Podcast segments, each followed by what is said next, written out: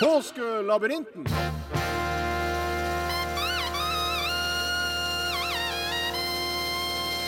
P1 Skattejakt.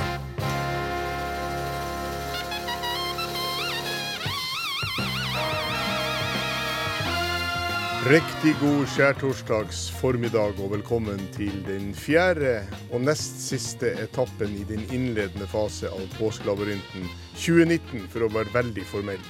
Du er hjertelig velkommen også til å ringe oss dersom du har lyst til å delta i programmet. Og da er telefonnummeret 815 21 031. Og så vet du sikkert at vi har en nettlabyrint som du kan ta når som helst på døgnet når det passer det.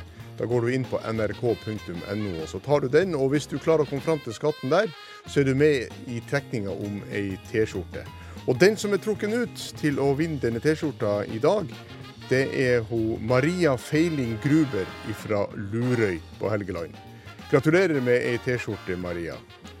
Og eh, du kan også melde deg på selvfølgelig gjennom denne nettlabyrinten, men det sikreste er kanskje å ringe 815 21 031.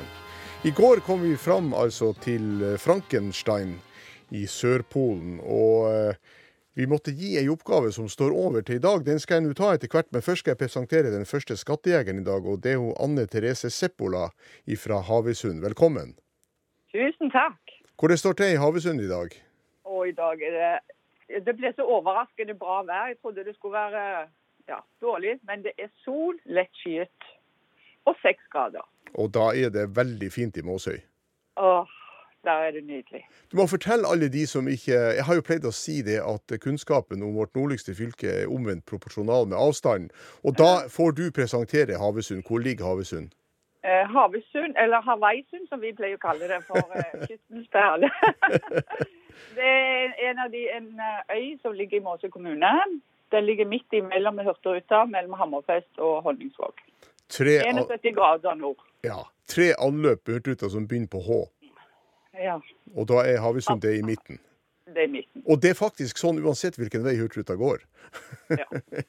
Så I dag så hørte vi de blåste, og da møttes de rett bak, eh, rett bak her. Akkurat. Men jeg hører jo på dialekten din, Anne Therese, at du eh, kommer fra, antagelig fra Rogaland. Ja. Uh, Randaberg og Hognes, det vel Hognestad som er jentenavnet mitt. Akkurat. Så jeg har bodd her i 41 år, da. Randaberg kommune, som er nabokommune til Stavanger. Ja. Ja. Hva som gjorde at du havna i Havøysund, da? Nei, jeg kom opp hit i 78 som ettåring i KFK og så bare ble jeg. Ja. Jeg skulle bare være ett år, jeg, og så ble jeg nå. Ja. Jeg tror nok at det er veldig mange som eh, har opplevd akkurat det samme som det når det gjelder akkurat det å komme til Finnmark. Og ja. mange sier jo at de blir bitt av en slags finnmarkssyke som gjør at enten flytter man ikke derifra, eller så må man tilbake dit dersom man har flytta. Ja, vet du hva, det tror jeg. For det der og Det er noe spesielt. Det det er en sånn sterk kjærlighet Ja. Ja, jeg snakker jo av egen erfaring, det skjønner du. Ja.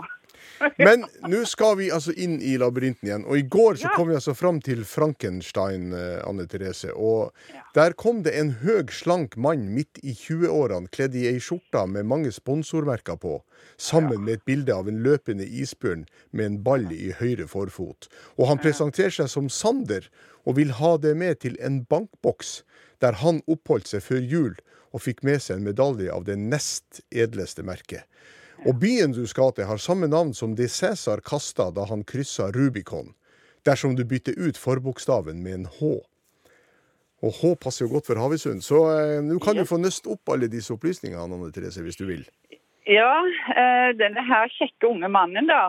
Og, og så den blå ballen. Blå ballen det pleier de jo gjerne å ha på NRK. Så, eh, og den blå ballen, den må jo være en eh, Jeg tenkte at det var håndball, altså han Ja. Ja. Hvilken Sander er det snakk om? Sagosen. Ja, det er det. 1,90 Og, ja. 1,95 på strømpelesten, så han er lett å se. Ja, og så han løpende Dette her er jo eh, Dette her er jo VM i håndball, da. Ja. Og hvor foregikk det hen? Herning er en av de byene. Ja, og hvorfor I- ja. Hva var det Cæsar kasta som du kunne, måtte bytte ut den forbokstaven på? Han måtte kaste en terning, vet du. Terningen er kastet. Ja. Det Vet du hva det het på latin? Jeg vet det ikke. ikke, men jeg har hørt det noe med est eh, Det er iallfall til slutt med r og est. Nei, Jakta est alia. Terningen eller loddet er kastet. loddet er kastet. Hvorfor sa, hvorfor sa Cæsar det? Nei, han eh, Jeg lurer på om ikke det tilhører at det er en, en, en eh, ting du har sagt som ikke kan tas tilbake. Noe du har gjort, du kan ikke ta det tilbake. Ja, han kryssa da elva Rubicon for å innta Ja. Roma 49 år før Kristus og starte en borgerkrig der. Og da var det ingen vei tilbake, prøver vi å si også, kanskje. Ja, ingen vei tilbake. Ja. Hvorfor sa han Sander Sagåsen at han ville ha det med til en bankboks? Det vet jeg ikke. Nei, det kan jeg opp... Men jeg Ja. Den, den arenaen som eh, de spilte i, Ah, som du snakka om, eh, om ja. VM i, i håndball, den heter nemlig Jyske Bankboksen. ah, Det er da sponsa av Jyske Bank, som du skjønner. Ja. Og den eh, arenaen heter Boksen. mm, Og da den er sponsa av en bank, så blir det en bankboks. ja. Du får ikke noe poeng for denne oppgaven, her, Anne Therese, det skjønner du, siden den sto over fra i går. Men du har sjansen til å samle så mye poeng du vil når vi nå reiser videre. For i Herning så ser du et videoklipp der ei ung jente med navn Simon, som både snakker fransk og tysk, tar farvel med broren Frank, som er i ferd med å mønstre på en ubåt på vei ut på tokt. Ubåten er en del av ei stor havn med mange andre ubåter. Plutselig ser du tre musketerer som slåss mot en geistlig som har beleira byen. Hvor skal vi reise nå? Denne geistlige byen. Ja, det er en geistlig som har beleira denne byen, og tre musketerer som slåss mot han. Ja, Da er det de tre musketerer. Eh, jeg ser en videoklipp med Simone. Hun snakker både fransk og tysk. Ja. Og har en bror uh, som heter Frank. Ja. Og han skal reise på ubåt. Ja. Der er, og da er vi i en havneby, da. Det er jo naturlig å tenke seg til det, ja. Ja. Ja. Ja, vi er en havneby. Og de tre musketerene, det må jo være disse her gutta fra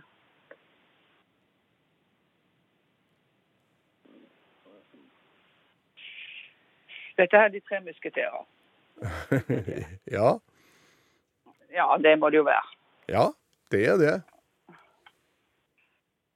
Og de Hva heter de? Og hvor var de fra? Uh, dette er Alexander Dumas. Ja. Det er helt som forfatteren. skrevet denne her boka. Ja. Uh, Men hvem er hun Simon og han Frank? Simon. Simon. Hun er fransk-tysk. Snakker fransk og tysk. Dette her på grensen. Snakker fransk og tysk. Ubåt. Er det krigen? Ja, det ser jeg ikke bort ifra det kan være. Nei. Simon øh, Synger hun? Hun sanger. Guri land. Hvilket land vil du reise til? Eh, kanskje La Jeg tror jeg reiser til Frankrike. Ja. Er det riktig? Ja, du er, på, du er på sporet. Jeg er på sporet. Og så er det en, eh, en havneby eh, der. Ja, det må det jo være. Det må være der. Men hvilken? Eh, Hvilken? En, en som er kjent. Da tror jeg at det kan være eh, Skal vi se her Le, Le Havre er jo kjent.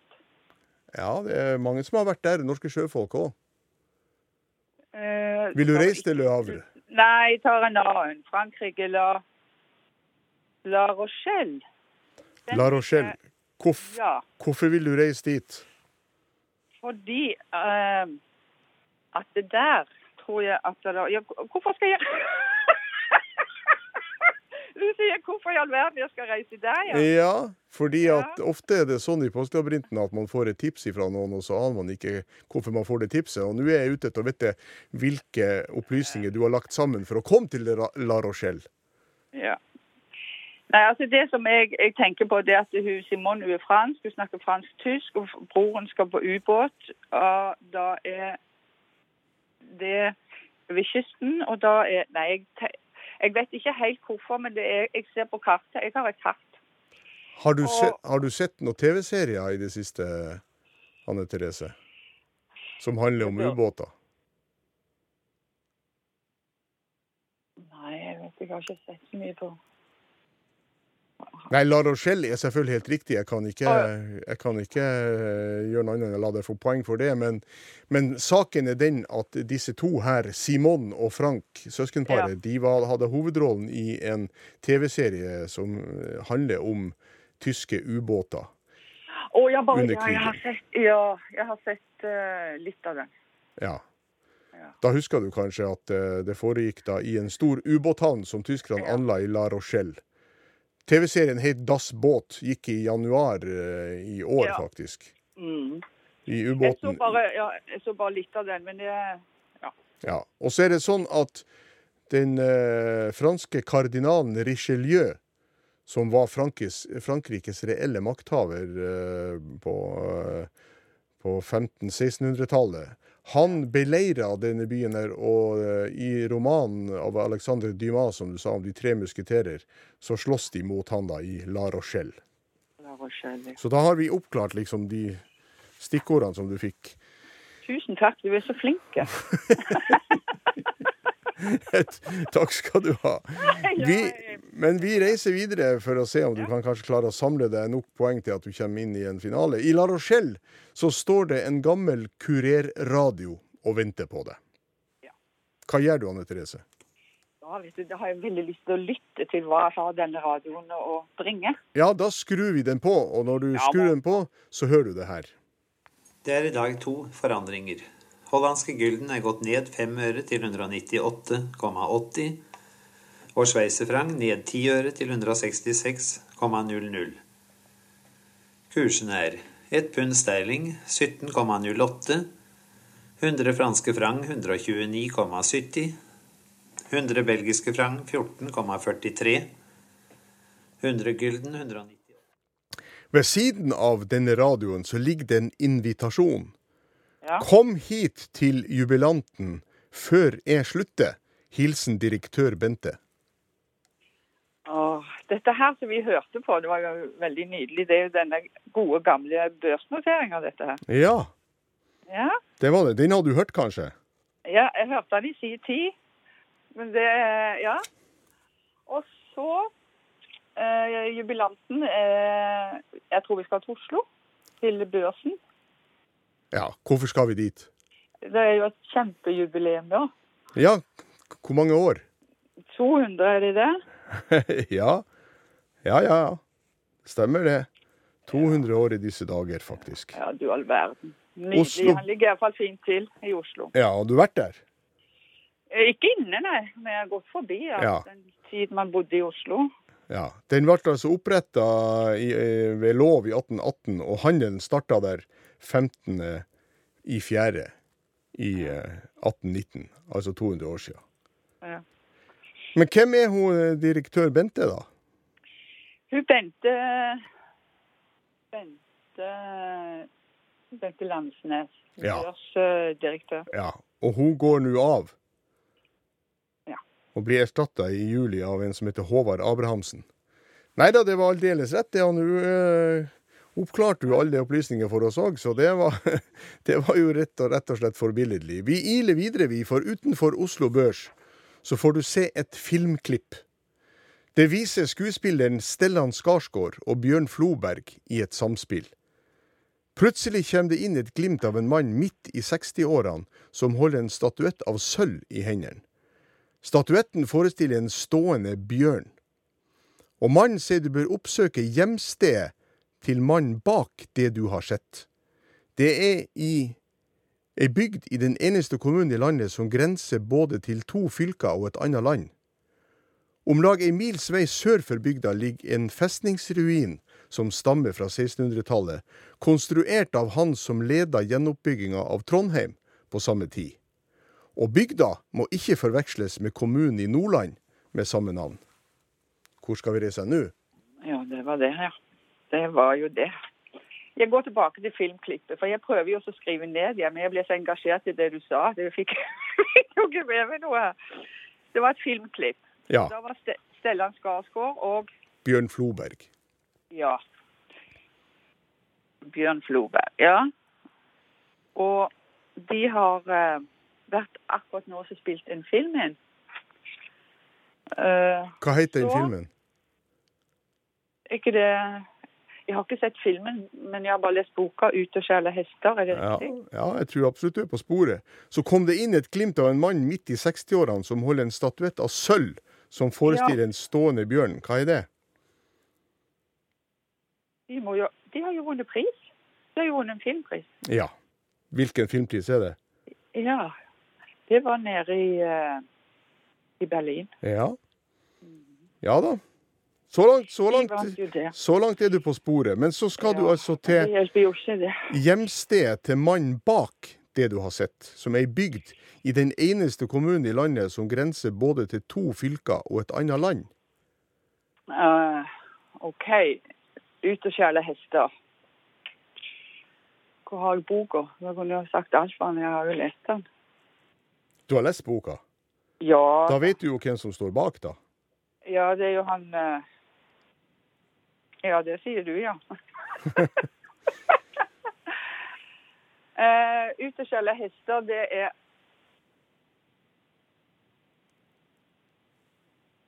Per. Per Petterson. Ja, ja. Per Petterson. det stemmer. Ja. Og han, hvor han er fra Han er fra Du skal altså fram til hjemsted, som er ei bygd i den eneste kommunen i landet som grenser både til to fylker og et annet land. Ja. Ut og skjelle hester. Det er Per Petterson de skal. Per Petterson. Ja. Hvor er han fra? Han er fra øst...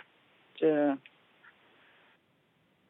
han er fra Hedmarken, kanskje? Men vi skal fram til et sted som ikke må forveksles med kommunen i Nordland med samme navn. Ja. Men hvor var det han var fra? Han er, han er østlending. Og jeg skal til et sted som ikke må forvekles. Hun Han er, han er fra Østlandet, Akershus. Ja. Ja. Det er han. Og, ja. Og så eh, det stedet han er ifra. Han er fra ja, Søren.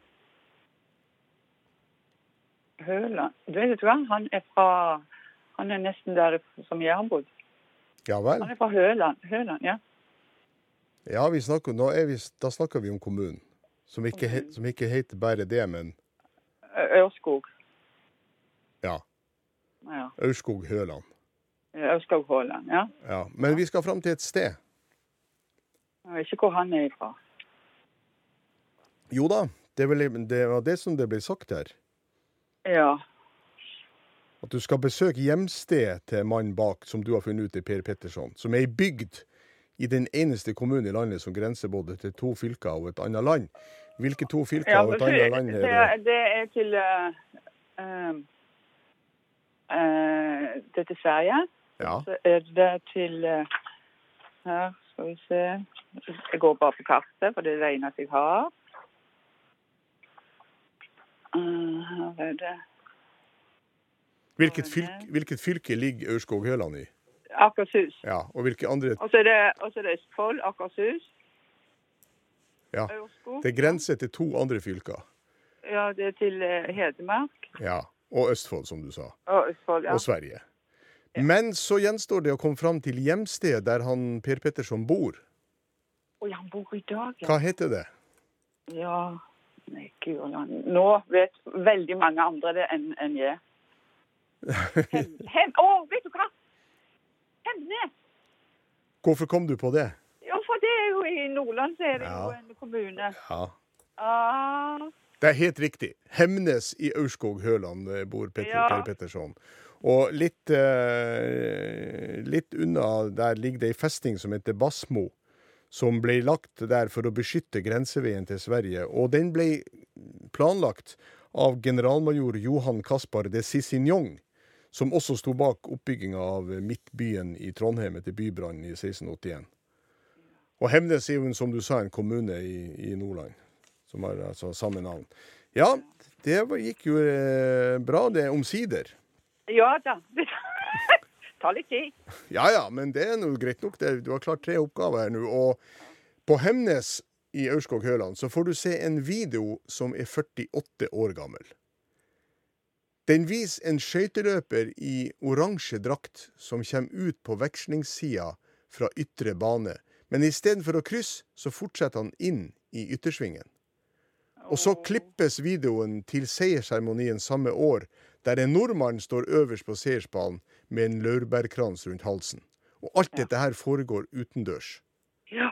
Så kommer det opp et bilde av en annen mann kledd i oransje med fem laurbærkranser med tall Ja. som strekker seg fra 2009 til 2017. Men Ja, det er litt- det bildet er tatt inne i en hall. Og helt til slutt kommer det opp et bilde av guden Tjalve. Hvor skal vi reise nå?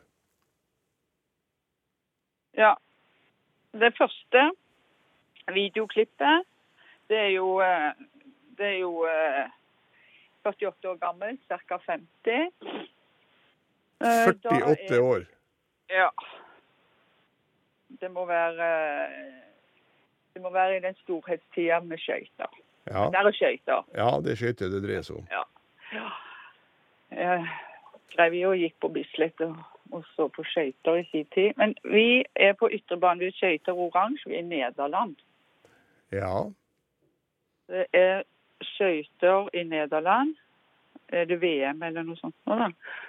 Og det samme, nå har de jo, har de jo skøytebanene. De er jo overbygde, de nå. ja. Uh, hvor vil du- Hvor vil du Ja. reise hen, da? nei, jeg må jo til Nederland. Ja, men Det må jeg jo. Nederland er Men stort. kanskje Heerenveen, som jeg skal si. Men jeg må, jeg må vite Altså, jeg må Altså, Guden eh, Jeg tror det er Heerenveen vi skal til. Ja, og hva het bygget?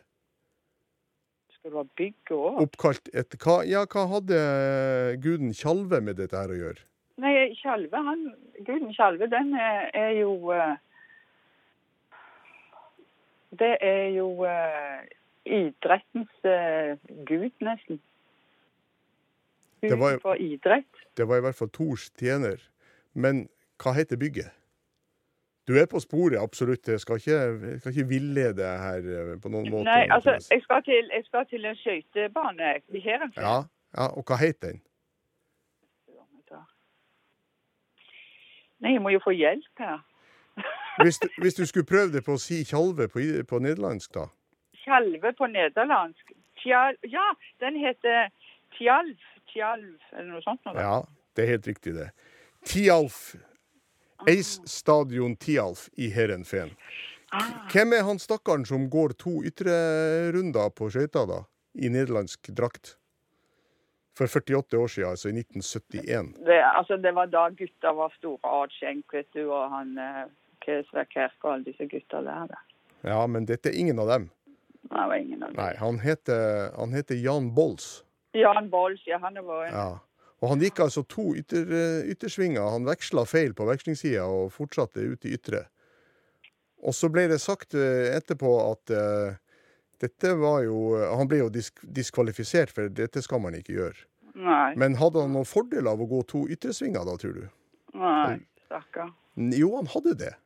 Hadde han det? Ja, fordi i Heerenveen på den tida, før Tialf eh, ble overbygd, så blåste det veldig mye. Og hvis du gikk i ytre bane, så gikk du i le for tribunen. Og da hadde du en stor fordel av det, faktisk.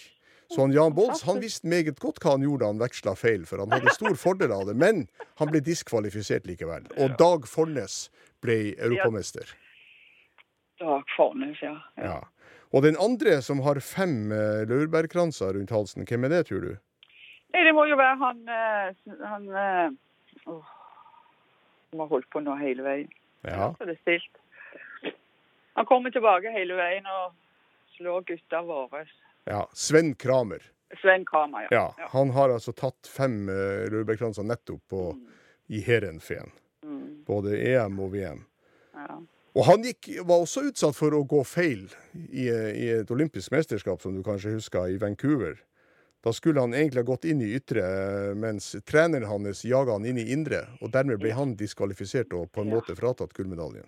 Mm. Han Gerhard Kemkers var veldig lei seg, så, som treneren hans het.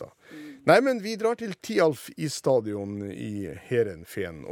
Tialf. Er det Ja. Pialf eller Tialf du sier? Tialf, Ja. som er, som er da det nederlandske ordet for tjalve, ja. som du skjønner. Mm. I Heerenveen så får du en konvolutt. Ja, da sier jeg tusen takk, men den må jeg åpne. Ja, den må du åpne. Og inni konvolutten så ligger det bilde av en steinskulptur fra Nidarosdomen.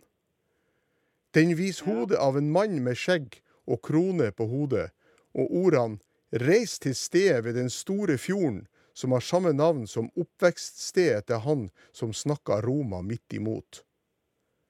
Og så er det en bildekollasj der du ser ei dame som sitter på en isbjørnfigur, og som synger fra en stor scene med ESC på, sammen med en operasanger fra Spania og sammen med en sanger med trekkspill fra Telemark, i tre forskjellige. Under bildekollasjen er det trykt en gratulasjon med bamsedag. Med Bamsedag. bamsedag, ja. OK.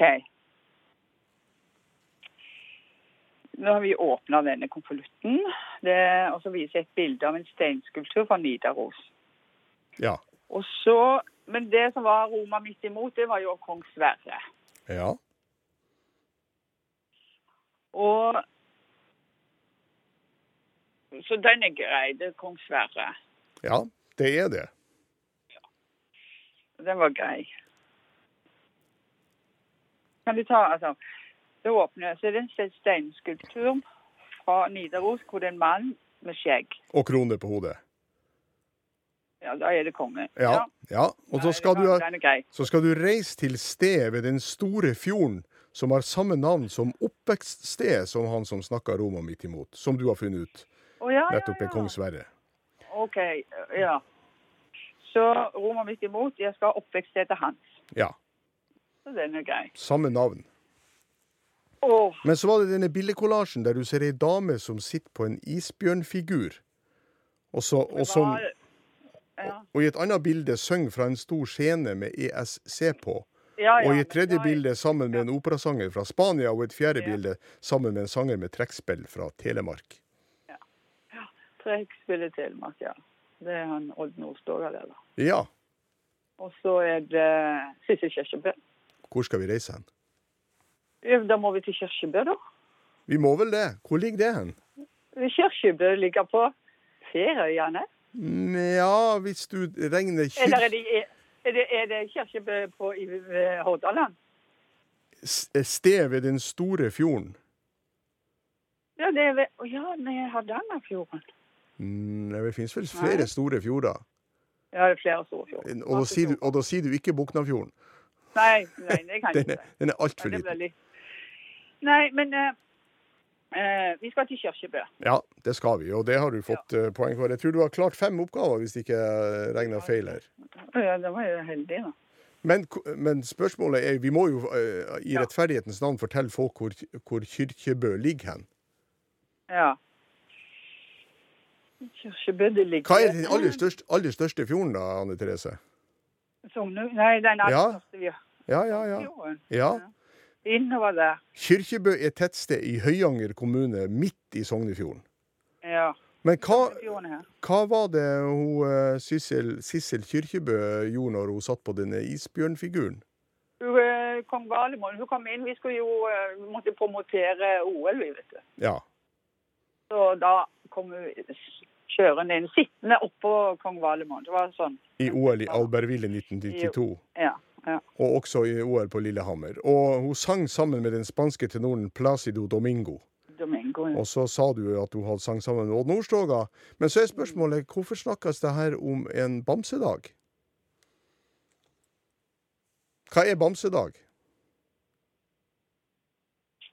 Hva er bamsedag? Hvor, ga- hvor gammel blir bamsen når vi synger om han? 50 år. Ja, og hvem blir 50 år, tror du, i år? Det skulle være fest for bamsefar i lia. Ja, Og hvem tror du blir 50 år i år?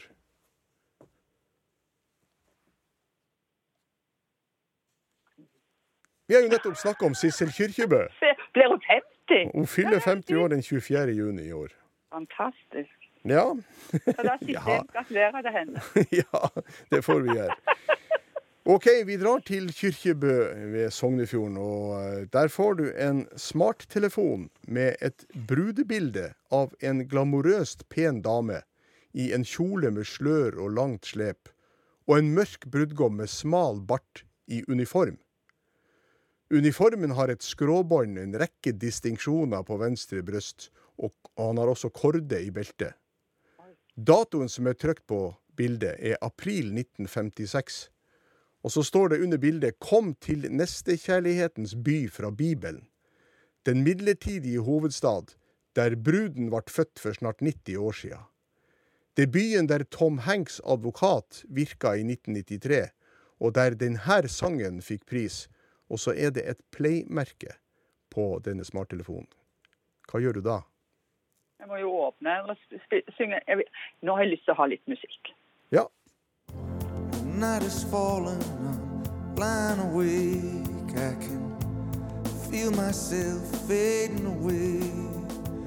So receive me, brother, with you, faithless kiss, or will we leave each other alone like this? Hvor skal vi reise hen nå, Anne Therese?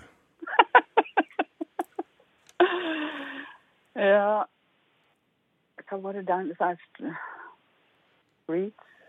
Nei. Hva sa du? Eh, er det Bruce Spring? Ja, det var han vi hørte. Ja. Uh, Streets of Philadelphia. Hvor vil du reise hen? Jeg må reise til Philadelphia. Ja, det er helt rett. Hvem er det, brud, hvem er det brudebildet av? 1956. Ja.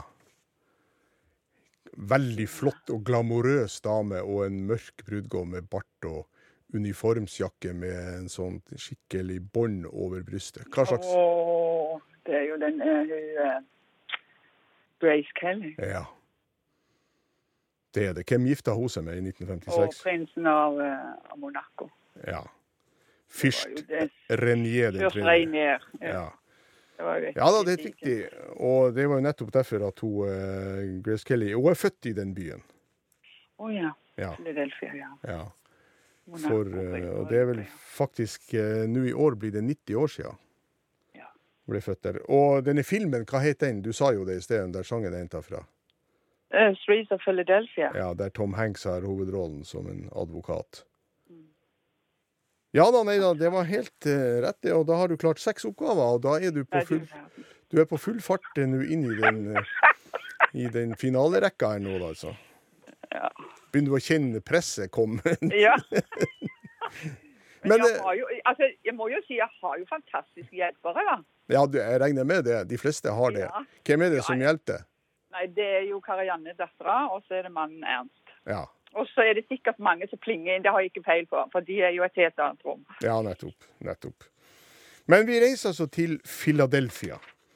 Som jo eh, jeg sa også her var eh, opprinnelig et gresk navn henta fra Johannes' åpenbaring. Som betyr nestekjærlighetens by. Phila, Philadelphia. Ja. Vi møter ei, eh, en dame der som sier at hun er fra en annen verdensdel enn din egen. Hennes heimby har mottoet 'kommende vinner', og er planlagt helt og holdent fra starten av for nesten 50 år siden. Det sto i den første grunnloven at lederbyen skulle ligge midt i hjertet av landet, selv om det den gang bare var et savanneområde der. Byen er forma som en flykropp med vinger, basert på ideene fra en sveitsisk byplanlegger. Og byen er en av tre hovedsteder i verden som er grundig planlagt som hovedstad. Og byen har også fått navn etter landet den tjener. Hvor reiser vi nå? I og med du sier at han er en konstruert hovedstad, Ja. den er dannet som en flykropp, Ja. kommende vinner. Jeg, jeg skal til en annen verdensdel enn meg, Ja. enn der jeg bor, Ja. og 50 år. Ja. Det er tre hovedsteder. Den første som bare detter ned i meg, det er Brasilia. Hvor skal vi reise hen? Brasilia. Ja, og hvorfor skal vi dit? Fordi at du sa at det var en konstruert by, Ja. og så ligger han midt inne i landet. Ja. Og så er han 50 år gammel. Ja. Det var det. ja. Og så har den jo fått et navn som er etter landet. Eh, Ja, og så var det at han har samme navn som, som landet. Fordi Brasilia er hovedstaden i I Brasil. Ja. Og så har den et latinsk motto, Ventfris ventis, som betyr kommende vinner. Er det det som står i flaggene? Nei, det er ikke det som står i flagget, men det er det som er mottoet til Brasilia, Å ja, til. Brasilia, ja. ja. Og, og eh, da man begynte å planlegge dette her, så baserte man ideene til planlegginga på en sveitsisk byplanlegger og arkitekt som heter Charles-Edouard Janet. Man hadde et kunstnernavn som man likte å bruke, nemlig Le Corbusier. Men når vi kommer fram til Brasilia, så møter du en byplanlegger som sier at du er i feil planlagte by. Og der ser du. Du bør heller reise atskillig nærmere ditt eget land, til en by som er planlagt med et slottstårn som sentrum, og 32 gater som stråler ut fra det her slottet, som eiker i et hjul. Og byen har fått et kjælenavn etter utseendet, og er landets varmeste der den ligger, i den øvre beskyttende dalen, danna av den store elva. Og byen er oppkalt etter en såkalt markgreve, og var hovedstad i en fristat. I moderne tid ble staten slått sammen med nabostaten til en forbundsstat, der nabostaten fikk hovedstaden, ikke denne staten, altså. Og jernbanestrekningene mellom Amsterdam og Genéve, og mellom München og Paris, krysser hverandre her. Og byen har i tillegg landets forfatningsdomstol. Hvor skal vi reise hen? Vi skal eh, Vi skal reise til Europa. Ja. Vi skal til Mellom-Europa. Ja. Eh, kansler Altså, vi må jo ned i Tyskland. Ja. Østerrike Altså i Polen-Tyskland. Jeg bare leser på kartet, jeg, vet du. Ja. Ja, ja, ja. Det, det er ikke så dumt, det er det. ikke så mye mer jeg har. Sånn. Det er som i Tyskland, Polen, i det området der vi skal. Ja. Du har fått et, eh, et lite hint om jernbanestrekningene. ja, det var det. Var det. Berlin er den Berlin var delt. Hva var det? Den jernbanen? Dette er en planlagt by, som du skjønner. Ja, det er ikke Berlin. Fordi du var eh, i en planlagt by allerede, men du var i feil planlagt by. Ja. Denne, denne byen her altså er planlagt med et slottstårn som sentrum, og 32 gater som stråler ut fra det her slottet. Som eiker i, i et hjul, eller som en annen ting som, som minner om det, og som har gitt den kjælenavn. Kjælenavn, ja. Ja. Skal vi se om jeg finner finner Tyskland. Finner på kartet hvor det er henne. Mm.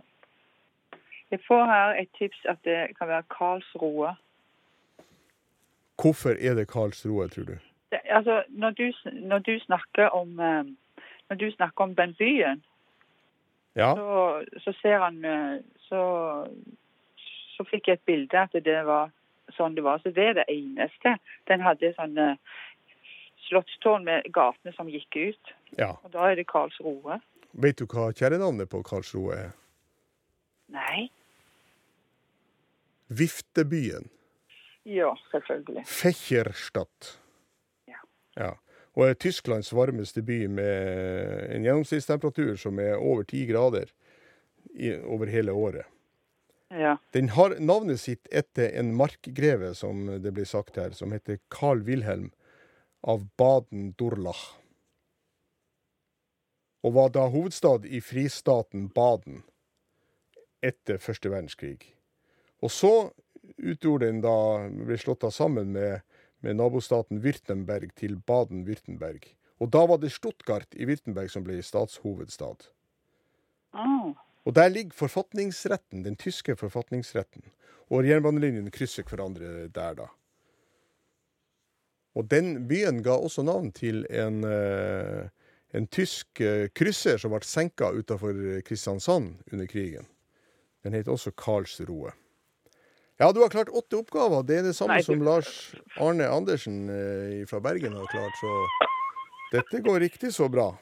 Jeg hadde jo håpet bare å få en T-skjorte, jeg, vet du. Det hadde vært greit for meg å, gå og bryte Ja, men, den her i eh, bygda. Nå ser det ut som du er, har, er godt på vei mot en finaleplass. Men vi stopper jo ikke her. Vi gir oss ikke. okay. For vi skal til Karlsroe, vi. Og der får du se et bilde av en stor menneskemengde samla rundt en scene og tallet 50. Ja. En MP3-spiller følger med. ja. Den må vi lytte på. Hva er det de har å si der? Give me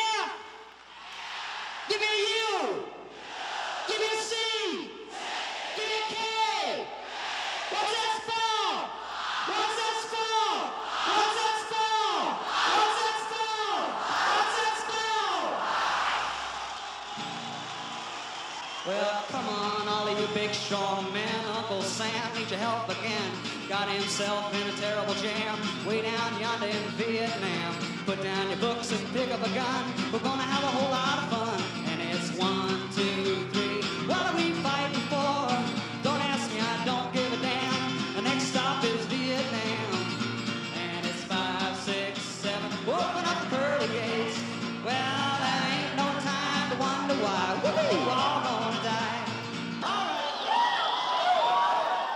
Ja, Anne Therese. Kjente Kjent, du deg igjen her, og hvor skal vi reise hen? Ja, det var vel en sang vi kunne. OK. Ja. Hvor vil du reise hen? ja, vi må jo til en eh, Tilbake til 68, tror jeg. Vi må til Det er en konsertarena Ja. i, eh, i USA. ja. Som heter Ja. Den heter Woodstock. Så du vil reise til Jeg tenker meg Woodstock. Ja, det er helt rett. Det Det var, ut som at dette var Woodstock. ja. Hvem var det vi hørte i et Eh, originalopptak fra denne festivalen? ja. Det var Jeg vet ikke om det var en hun eller han som så sang akkurat det. Det er en mann. Det var- Bob Var det Bob Dylan? Nei. Nei, det var ikke Bob Dylan. nei. Han var, nok, han var nok ikke på Woodstock-festivalen, Bob Nei, så vidt jeg husker. Men Han eh, holdt seg litt unna det der. han, han hadde et rop som ikke kan gjengis for folket under eh, 21 år. Ja. Give me an F, give me a U, ja, give me a C, ja. give me a K. What's that spell, sang han. Det var Ja. Country Joe. Å ja. Nei. Men jeg kan sangen. Ja. Det var jo en klar kritikk av Vietnamkrigen, som du Ja, som sikkert hørte. Og det var ikke 1968, fordi det sto 50 her, oh, ja, ikke sant? 50, ja. ja. Unnskyld. Ja. Så det var i 1969. 69, ja. 15. til 17. august. Og vi her hjemme i Norge, vi så jo dette her på film. Woodstock, ja. Mm. Ja, eller vi hørte plata. Jeg må, jeg må si at jeg innrømmer det at jeg sneik meg inn før aldersgrensen på, på kinoen på Sortland, der jeg gikk på videregående skole den tida, og så den filmen. Mm. Den ga jo et fantastisk inntrykk. fordi jo- den tida var det jo ikke da var det jo ikke eh, fjernsyn og, og rockevideo og sånne ting. Det man kunne se av heltene, det så man på film. ja. Og det at eksempel eh, en del av de musikerne som man bare hadde så vidt hørt om, kunne opptre live på en filmlerret. Det var ganske stort. Crosby, Stills og Nash, eksempel. Men dette her var altså Country Joe og hans gruppe The Fish. Country Joe. Men foregikk festivalen egentlig på Woodstock? Nei, var ikke den litt rundt omkring den, da? Den var på en melkegård som heter Bethel. Jeg har sett, den, jeg har sett film om det, da. Ja, for den ble flytta fra den planlagte Woodstock. Ja. Det var venta publikum på omtrent 200 000, og så kom det en halv million. Så det var jo, og det var jo litt sånn typisk for denne motkulturen som var på 60- og 70-tallet og hippietida. Og det var tordenvær, og det, ble både, det var både dødsfall og fødsler på denne, på denne festivalen i sin tid. Hvis man har sett film, så, så skjønner man at da gikk det heavy for seg også. Ja, Og du skjønner at det var 18-årsgrense i Norge på den filmen? Ja. Ja, Det tror jeg var mest uh, pga. nakenheten. Ja, Det er litt andre var- tider i dag. var- Det var, det, var, det var friheten som skulle frem voldsomt. Nettopp. I Woodstock så møter du en folkesanger som vil ha deg med til den vanskelig tilgjengelige gården, der handelsmann Knut og kona hans Kari er foreldre til to barn, Anne og Truls. Og der har de ansvaret for to kyr, en gris, ei geit og ei høne. Og Oddgeir Bruaseth har garantert vært på besøk der, sier sangeren. Hvor skal vi reise hen? Heter Anne Knutstøtte Kari er min mor, og Truls er min bror. Ja. Jeg fikk vi litt sang i Påskelabyrinten òg. Det, var jo- det var jo flott. Som- Og, ja, og sånn. Uren, luren, himmelturen, steinreis, steinreis, velt igjen. Så du vil reise til Uren Luren? Det er det du sier. luren, Da, vet du. Ja. Det er helt rett. Hva er det snakk om her? Nei, det er litt de vanskelige tidene om uh, hvordan de har det. Ja. Det er jo ei folkevise vi snakker om. Ja. Ja, Jeg heter Anne Knutstøtte. ja nettopp. Og uh, det går fram av denne visa at faren uh, Knuts, nødvendigvis, siden hun heter Anne Knutsdotter, Ja. han er kramkar. Mm. Ja, Og ja. hva heter kyrne?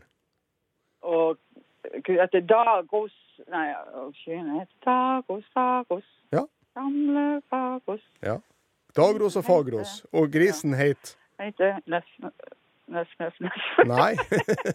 Grisen heter Nei, nå Grisen heter Giss, Giss, Giss. Ja.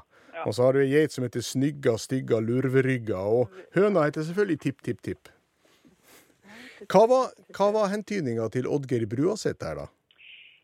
Dit uh, ingen skulle tro at noen kunne bo. Ja. Hva er det?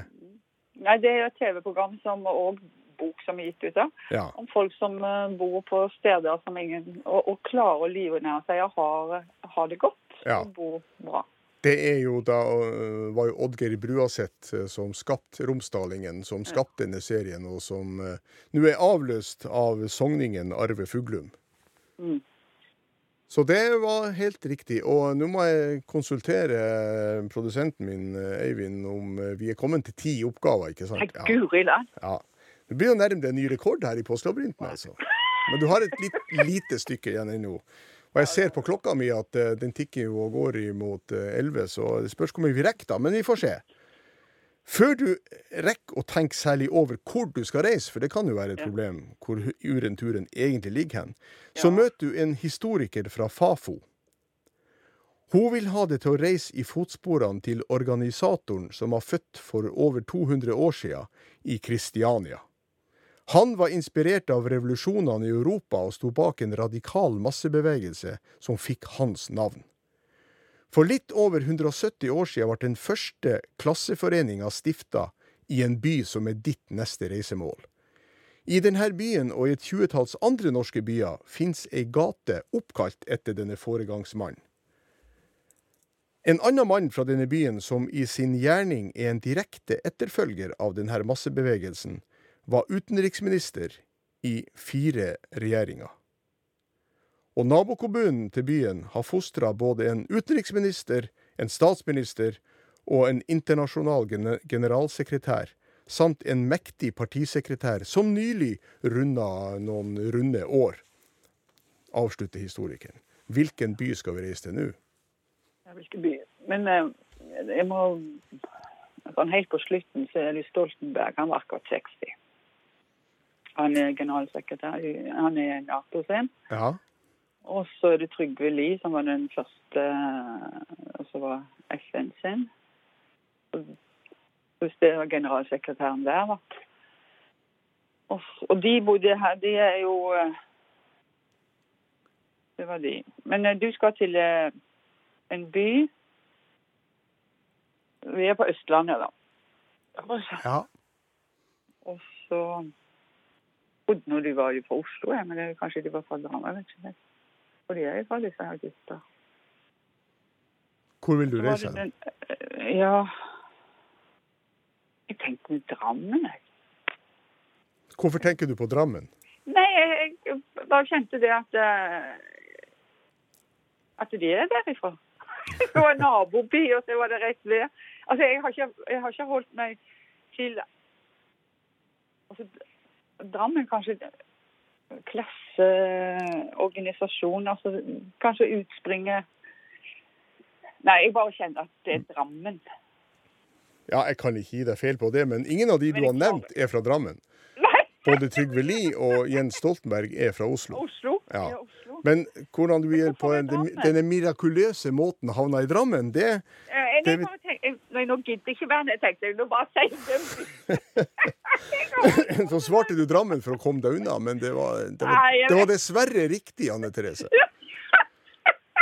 Men hvis du tenkte litt om, du er jo gammel pensjonert lærer, og vi hadde Ja, altså jeg er ikke en gammel pensjonert, men jeg er litt Nei, pensjonert. i forhold til læreryrket så er du pensjonert. Ja, ja, ja. det var det jeg mente. Unnskyld. Unnskyld. Nei, det er ikke Men du, det var en organisator som er født for litt over 200 år siden. Han var født i Kristiania, men han danna da en bevegelse som starta den første arbeiderforeninga i. Drammen. Hva het han eh, som starta dette her? Han har massevis av uh, gater oppkalt etter seg. I mange byer. Han heter Markus Trane. Markus Tran, ja. Jeg Og, burde vite og dette. tilhengerne ble kalt for tranittere. Ja. Ja. Og en direkte sånn etterkommer, sånn hvis vi holder oss til arbeiderbevegelsen, det var Knut Frydenlund, ja. som var da eh, utenriksminister i flere regjeringer, under både Bratteli, Nordli og Brundtland 1 og 2. Han var fra Drammen. Og i nabokommunen snakker vi om Lier. Der var Torbjørn Jagland. Han er derfra. Han er generalsekretær i Europarådet. Og den eh, partisekretæren som runda år, det er Martin Kolberg, som også er fra Lier, og som runda 70 år nylig. Okay. Så ved et, eh, ved hell eller uhell så, Åh, så havna du i Drammen. jeg litt annet. Og jeg er sikker på at drammenserne syns at det var kjempestas. Men vi rekker, vi rekker flere oppgaver, for vi drar til Drammen, selvfølgelig. En, en, en flott by har blitt etter hvert. Der ser du et flagg med mange hvite og røde horisontale striper, og et blått felt i øvre hjørne med ei hvit stjerne. På flagget befinner seg en lapp der det står 'Kom til hovedstaden som er oppkalt etter en president'. Og lappen er undertegna to kolleger, i anførselstegn. Og vis ei dame med en medalje i ei eske med et relieff av en mann med bart på den ene sida, og tre nakne menn som holder hverandre om skuldrene på den andre sida, og årstallet 2011. Og videre er det et bilde av en mann med en statuett av en ball i gull på en sokkel av stein, og årstallet 1995. Hvor skal vi reise nå? Vi skal til en by, altså. OK, vi Hovedstad. flagget først. Ja. Uh, det var horisontale horisontale Rød og hvite striper. røde og hvite striper. Og så var det, er det noen stjerner på det der. Ja, det er et blått felt med ei stjerne på. Blått felt med stjerne på, ja. Uh, skulle hatt flaggboken foran meg, ja, vet du. Og Men du skal altså til hovedstaden som er oppkalt etter en president. Og så er lappen undertegna to kolleger. Ja, er det Washington? Du vil reise til Uh, oppkalt etter Hovedstaden heter Washington, og den er oppkalt etter en president. Og da sier jeg Washington. Ja. Og der gikk du i fella.